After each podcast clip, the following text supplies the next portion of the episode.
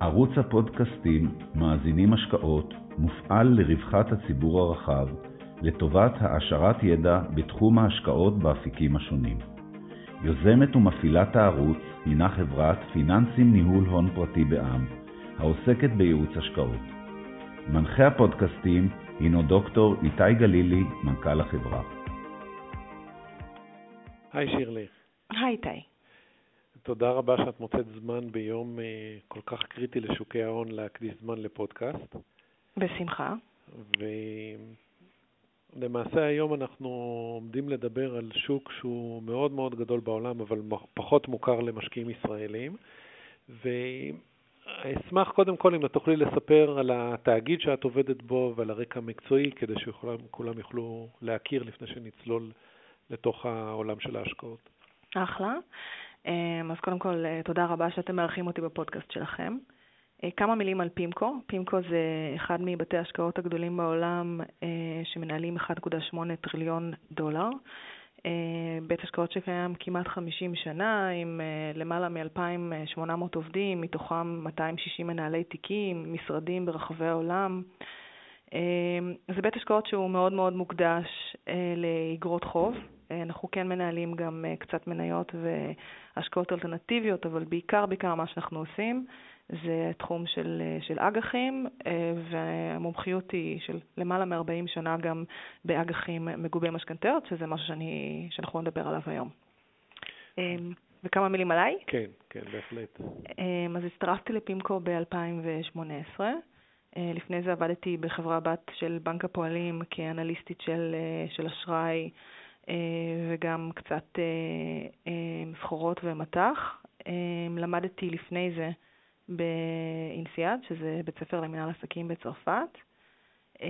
לפני זה הייתי באקסלנס נשואה, בצוות שניהל קופות גמל, ואת הקריירה שלי התחלתי בבנק ישראל, שם הייתי חלק מהצוות שניהל את יתרות המטח. אז אני מאוד מגיעה מעולם אה, הזה של, של ההשקעות. אה, בפימקו אני אה, בעצם מכסה ואחראית על כל הלקוחות הישראלים, מייעצת להם, עוזרת להם לבחור מה שמתאים להם לתיקים שלהם. אז למעשה יש לך המון המון ניסיון, התחלת מהאשראי, ולמעשה היום מתעסקת באשראי, אבל באמצעות השקעות, אגרות חוב. כן. כן. והיום אנחנו רוצים לדבר על קטגוריית השקעות שהיא פחות מוכרת לקהל של המשקיעים הישראלי, שזה למעשה אותן אגרות חוב שנקראות אגרות חוב מגובים, מגובי נכסים. נכון. שאת, ואנחנו נמצאים תוך כדי אירוע מאוד מאוד גדול בשווקי ההון, של ירידות חזקות על רקע של המשבר של הקורונה, ואוטומטית הדברים הולכים ביחד, לפחות בתפיסה האסוציאטיבית של, של משקיעים שלא מגיעים מהתחום. אז בואי תעשה לנו קצת סדר. מה זה הקטגוריית השקעות הזאת? Okay. ומה אוקיי. היא שונה ממה שמכירים בתור שוק אגרות חוב? אוקיי, okay. אז um, לרוב מה שאנחנו מכירים בתור אגרות חוב זה אגרות חוב שחברה מנפיקה, um, אבל אין לה, אין לה ביטחונות מאחורה.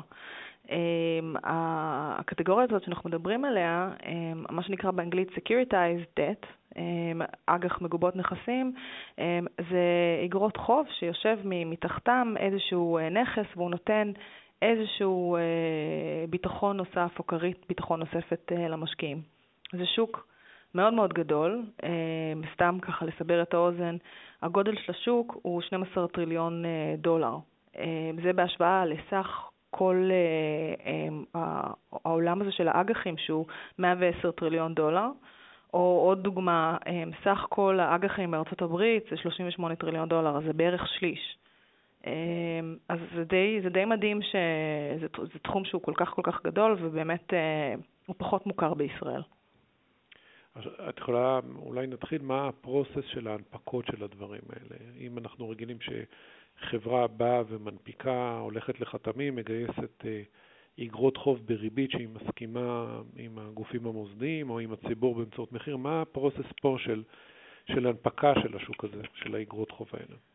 Um, אני חושבת שאולי יהיה טוב אה, לתת את זה עם, עם, עם דוגמה okay. אה, כן. למה שקורה נגיד בעולם אה, המשכנתאות, שזה החלק העיקרי של השוק הזה, זה um, עיקר, עיקר השוק באמת הוא משכנתאות. Um, וזה תלוי מי עושה את זה, אבל ברמת העיקרון, זה מאגר של משכנתאות, הן יכולות להיות מאזור מסוים, יכולות להיות מרמה כלכלית מסוימת, סוציולוגית, אבל זה מאגר של, של משכנתאות שבעצם מאגחים אותו, עושים לו securitization. ו... וחותכים אותו לחתיכות, שזה בעצם יוצא האג"חים, שמתחתם יושב הפול הזה של, של כל המשכנתאות. אולי חשוב להדגיש שיש בעצם שני סוגים עיקריים בעולם הזה, וזה מה שבעצם מגובה על ידי ממשלת ארצות הברית או ממשלות אחרות, אבל זה בעיקר ממשלת ארצות הברית, לעומת מה שאיננו מגובה ושם יש סיכון אשראי. אז בעצם, מבחינת האגרות חוב שהן מגובות של, של ממשלת ארצות הברית, זה מה שנקרא agency mortgage back securities. אלה אגרות חוב שמתחתם יושב פול של משכנתאות, אבל מי שבעצם נותן להם ערבות זה ממשלת ארצות הברית. יש סיכון באגרות חוב האלה, אני, אני תכף אכנס אליו, אבל הוא לא סיכון אשראי. כי אם קורה איזשהו סיפור של חדלות פירעון למשכנתאות שמתחת, מי שישלים את החסר זה ממשלת ארצות הברית. החלק השני זה אגרות חוב שהן לא מגובות, יש להן את הגיבוי של הנכסים מתחת, אבל אין את הערבות הממשלתית, ושם אתה כן לוקח סיכון שהוא סיכון של, של אשראי. אם תהיה חדלות פירעון, אז הסיכון הוא עליך. אבל רק להסביר, זה לא שמישהו פה חשוף ישירות למשכנתה ספציפית של מישהו. לא. תמיד מדובר באלפי משכנתאות שיושבות מתחת לאיגרת חוב. עכשיו, איך, איך אנחנו יכולים לדעת שה... למעשה הכמות של המשכנתאות הזאת לא סובלת מאותם דברים שהיו בשנת 2008, במשבר הגדול, שהיה חשש מאוד גדול שמה שאנחנו רואים באמת הוא לא אותו איכות שאנחנו חושבים שאנחנו מבינים לגבי זה. אוקיי, okay, אז קודם כל, כמו שאמרתי, כל מה שקשור באגרות חוב מגובות, אה, אה, מגובות משכנתאות בערבות של ממשלת ארצות הברית, באמת שם אין מה לדאוג, כי יש אה, כמה סוגים של משכנתאות אה, שהן בערבות אה, אה, שהיא ברורה לחלוטין ומוכרזת, אבל כמה גם בערבות שהיא משתמעת של ממשלת ארצות הברית, אבל בכל אופן, שם גם אם, וזה דרך אגב ממש ממש לא ה-base case scenario שלנו, גם אם תהיה התמוטטות בשוק הנדל"ן, עדיין ממשלת ארצות הברית היא זאתי ש... שבעצם אחראית להחזיר את, ה... את הכסף, אחראית להחזיר את החוב. אז שם אין סיכון, וזה שוק שהוא אה, אה, משהו כמו 7-8 טריליון דולר, מתוך ה-12 טריליון שאני, שאני אמרתי. וזה באמת בעולם הזה של, של האג'נסי המגובה, אה, סליחה, בערבות ממשלת הברית. החלק השני, שזה איגרות אה, החוב שאין להם את הערבות הזאת, שם באמת צריך להסתכל ולהבין ולנתח ולראות האם יש איזשהו סיכון של, אה, של מה, שקורה, מה שקרה ב-2008. ואנחנו חושבים בנקודת הזמן הזאת, וזה דרך אגב מאוד מעניין במה שקורה בשווקים, שממש לא. אנחנו חושבים שהעולם הזה של, אה, אמ, של הנדל"ן בארצות הברית הוא, הוא עולם מאוד מאוד מעניין. כמובן, לא כל דבר, לא קונים כל דבר שהוא, אבל אה, יש הרבה נקודות שבגללם אנחנו חושבים שזה אה, משהו שהוא יחסית בטוח יותר להשקיע בו. אז אני יכולה לתת לך ככה כמה מספרים מעניינים שיעזרו קצת להבין למה אנחנו חושבים ככה. אמ, ככה, קודם כל, אמ, המשכנתאות סליחה, אג"ח מגובות משכנתאות האלה, אמ, זה מווינטג' שמלפני המשבר הפיננסי. זה בעצם לא דברים שהמשיכו לייצר אותם אחרי המשבר הפיננסי של 2008-2009. אז בעצם מי שנמצא ויושב בתוך המשכנתאות האלה זה אנשים שעברו את המשבר הפיננסי ועברו תקופות מאוד מאוד קשות ומאוד תנודתיות והמשיכו לשלם. המשיכו לשלם את המשכנתה שלהם ובעצם המשיכו להכניס אקוטי אה, לתוך הבית ולהוריד את החוב שיש להם מתוך סך, ה, אה, סך הערך של, ה, של הדירה שלהם או של הבית שלהם. אה, אז אם מסתכלים למשל על loan to value ratios, אז אם היינו בשיא המשבר במספרים שהם מעל 100%, כלומר החוב היה גדול מערך הבית, אנחנו נמצאים כרגע בסיטואציה שבממוצע הבעלים של הדירות האלה הם בעלים של 40% בפועל ויש להם חוב של 60%, כלומר ה-LTV הוא 60%, שזה שיפור מאוד מאוד, מאוד גדול, גם בהקשר של העשר שנים האחרונות וגם אם מסתכלים היסטורית ארוך טווח. זו נקודה אחת. נקודה שנייה, וכמו שאמרתי, אנחנו לא, לא באמת אה, נוצרים עוד משכנתאות כאלה, לא, לא נוצרות משכנתאות כאלה, וכמובן שלא מאגחים עוד משכנתאות כאלה, כך שיש אה, אה, היצע יחסית מוגבל. ובגלל שיש היצע יחסית מוגבל, אז זה, זה עוד איזשהו נתון שהוא תומך במשכנתאות האלה. אם מסתכלים בעצם על העולם של הנדל"ן בארצות הברית, אמ, כמה דברים שהם, אה, שמעניינים בו. אמ, קודם כל, כל מיני מדדים של אה, affordability, אה, עד כמה בעצם קל לקנות בית וקל להחזיק בית. אמ, זה יחסית מאוד מאוד זול, אם מסתכלים היסטורית ב-20 שנה האחרונות. בטח ובטח שזה הרבה יותר זול מאשר לפני, לפני המשבר. ו... עוד נקודה שהיא מעניינת זה שגם זה זול בהשוואה של אה, אם כדאי אה, לשכור או לקנות. אז תמיד אה, בהקשר של התקופה האחרונה, אז עדיף, עדיף לשכור, סליחה, עדיף לקנות לעומת לשכור. ואולי עוד נקודה מעניינת זה הנושא של היצע של בתים בארצות הברית, שהוא מאוד נמוך. אנחנו מסתכלים על כרגע מלאי של ארבעה חודשים.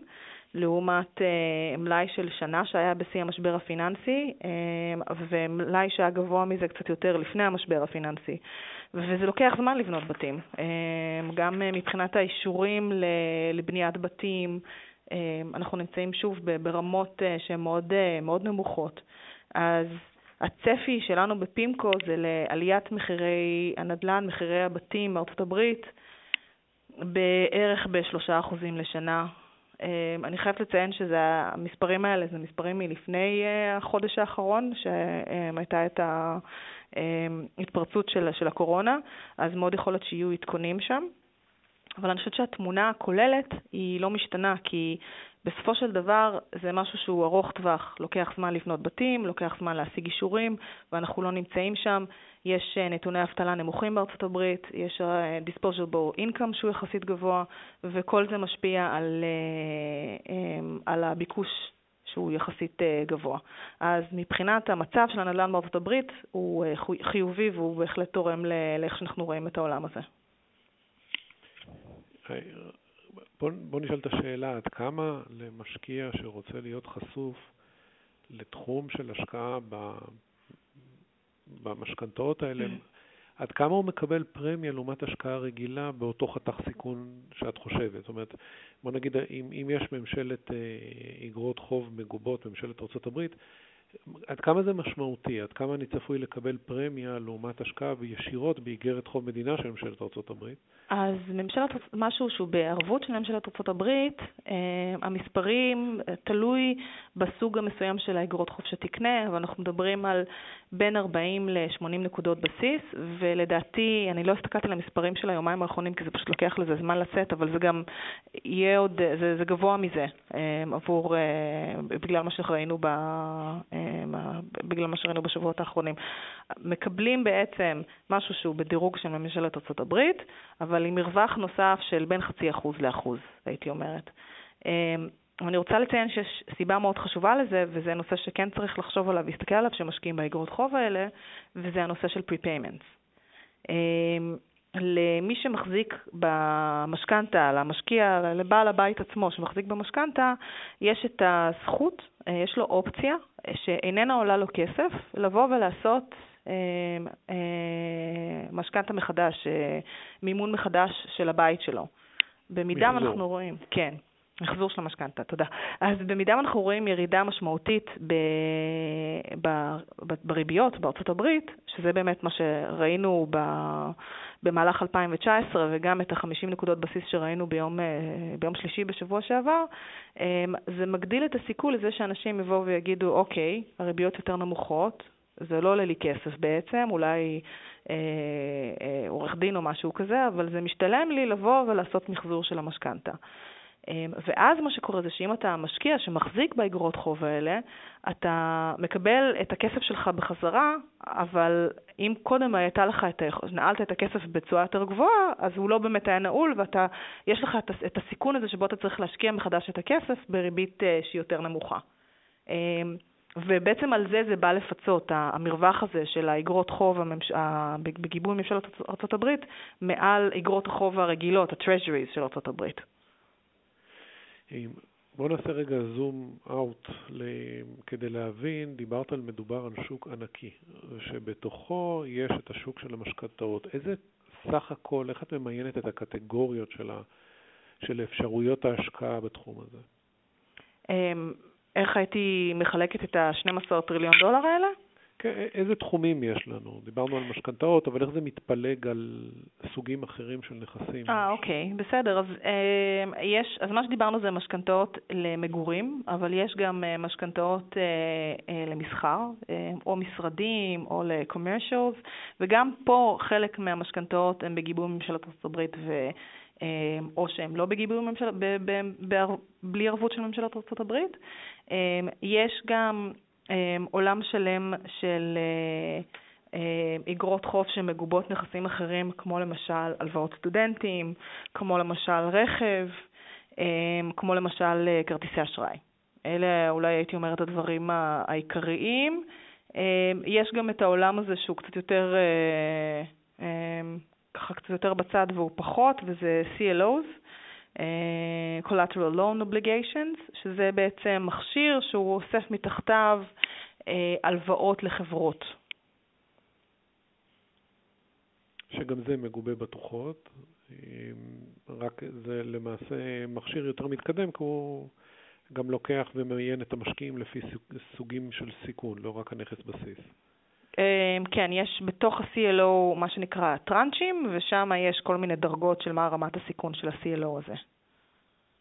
אז למעשה, אם, אם אנחנו מדברים על בניית תיקי השקעות בצורה גלובלית, זאת אומרת, אה, בתפיסת עולם של פימקו, עד כמה השוק הזה הוא משהו אה, משמעותי בתוך תיק השקעות, בוא נגיד סולידי, או איזה נתח הוא תופס מסך הכל ההון שמוקדש ל...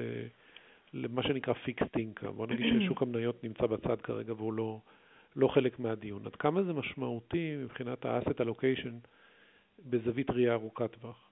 אז קודם כל אני רק אתן, אני אחזור למספר שאמרתי קודם, וזה ספציפית לא, לאינדקס המוביל בעולם של, אה, נגיד, של אג"חים בארצות הברית, בלומברג ברקליז US Aggregate, אחוז האג"ח מגובות נכסים מתוכו 30 אחוז. אה, ואם מסתכלים ברמה העולמית, שזה ה-Bloomberg Barclays Global Aggregate, אז אנחנו מדברים על 16 אחוזים. וכמובן שפה צריך לבוא ולהחליט, אוקיי, אה, עד כמה אתה אוהב את ה-asset class הזה, ועד כמה אתה חושב שצריך להשקיע בו, ולהיות overweight או underweight. כרגע בתפיסת העולם של פימקו, גם בגלל כל מה שאמרתי על כל מה שקורה בנדל"ן, אבל גם בגלל מה שקורה um, בעולם האג"ח הקונצרני, אני אגיד על זה תכף כמה מילים, אנחנו uh, מעדיפים להיות במשקל יתר, על, uh, גם על אג"ח שהם בערבות, מגובי משכנתאות בערבות ממשלת, ממשלות, וגם כזה שהוא לא בערבות, גם שם, גם איפה שיש uh, סיכון אשראי. אז, אז אמרתי מילה על זה שאנחנו uh, מודאגים מהנושא של אג"ח קונצרני בעולם.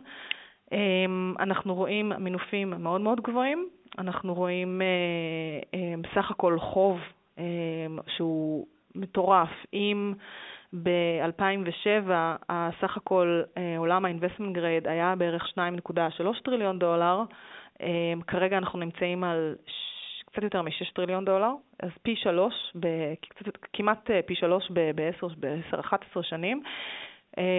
וה... הסך הכל, הדירוגים בתוך העולם הזה הם ירדו. אם זה היה שליש triple B אה, ב-2007, אנחנו נמצאים על חצי triple B ב-2018-2019.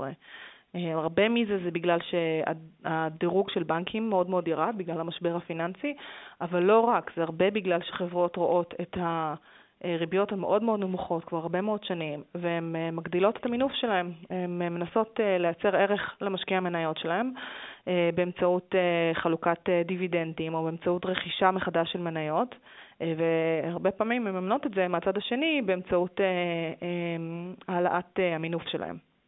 אז אנחנו נמצאים בעולם שבו רמות הסיכון, לדעתנו, באג"ח קונצרני הן מאוד מאוד גבוהות, ושם, ומבחינת כאילו כל הנתונים הבסיסיים שהם הידרדרו, לעומת העולם הזה של ה-securitized debt, שהוא אמנם היה השיא של המשבר הפיננסי ב-2007-2008, 2008-2009, המשבר הפיננסי, אה, ושם היה שיפור מאוד מאוד משמעותי בנתוני הבסיס, גם אם מסתכלים על העולם של הנדל"ן וגם אם מסתכלים על, אה, על, על הנפקות, על העובדה שאין הנפקות חדשות.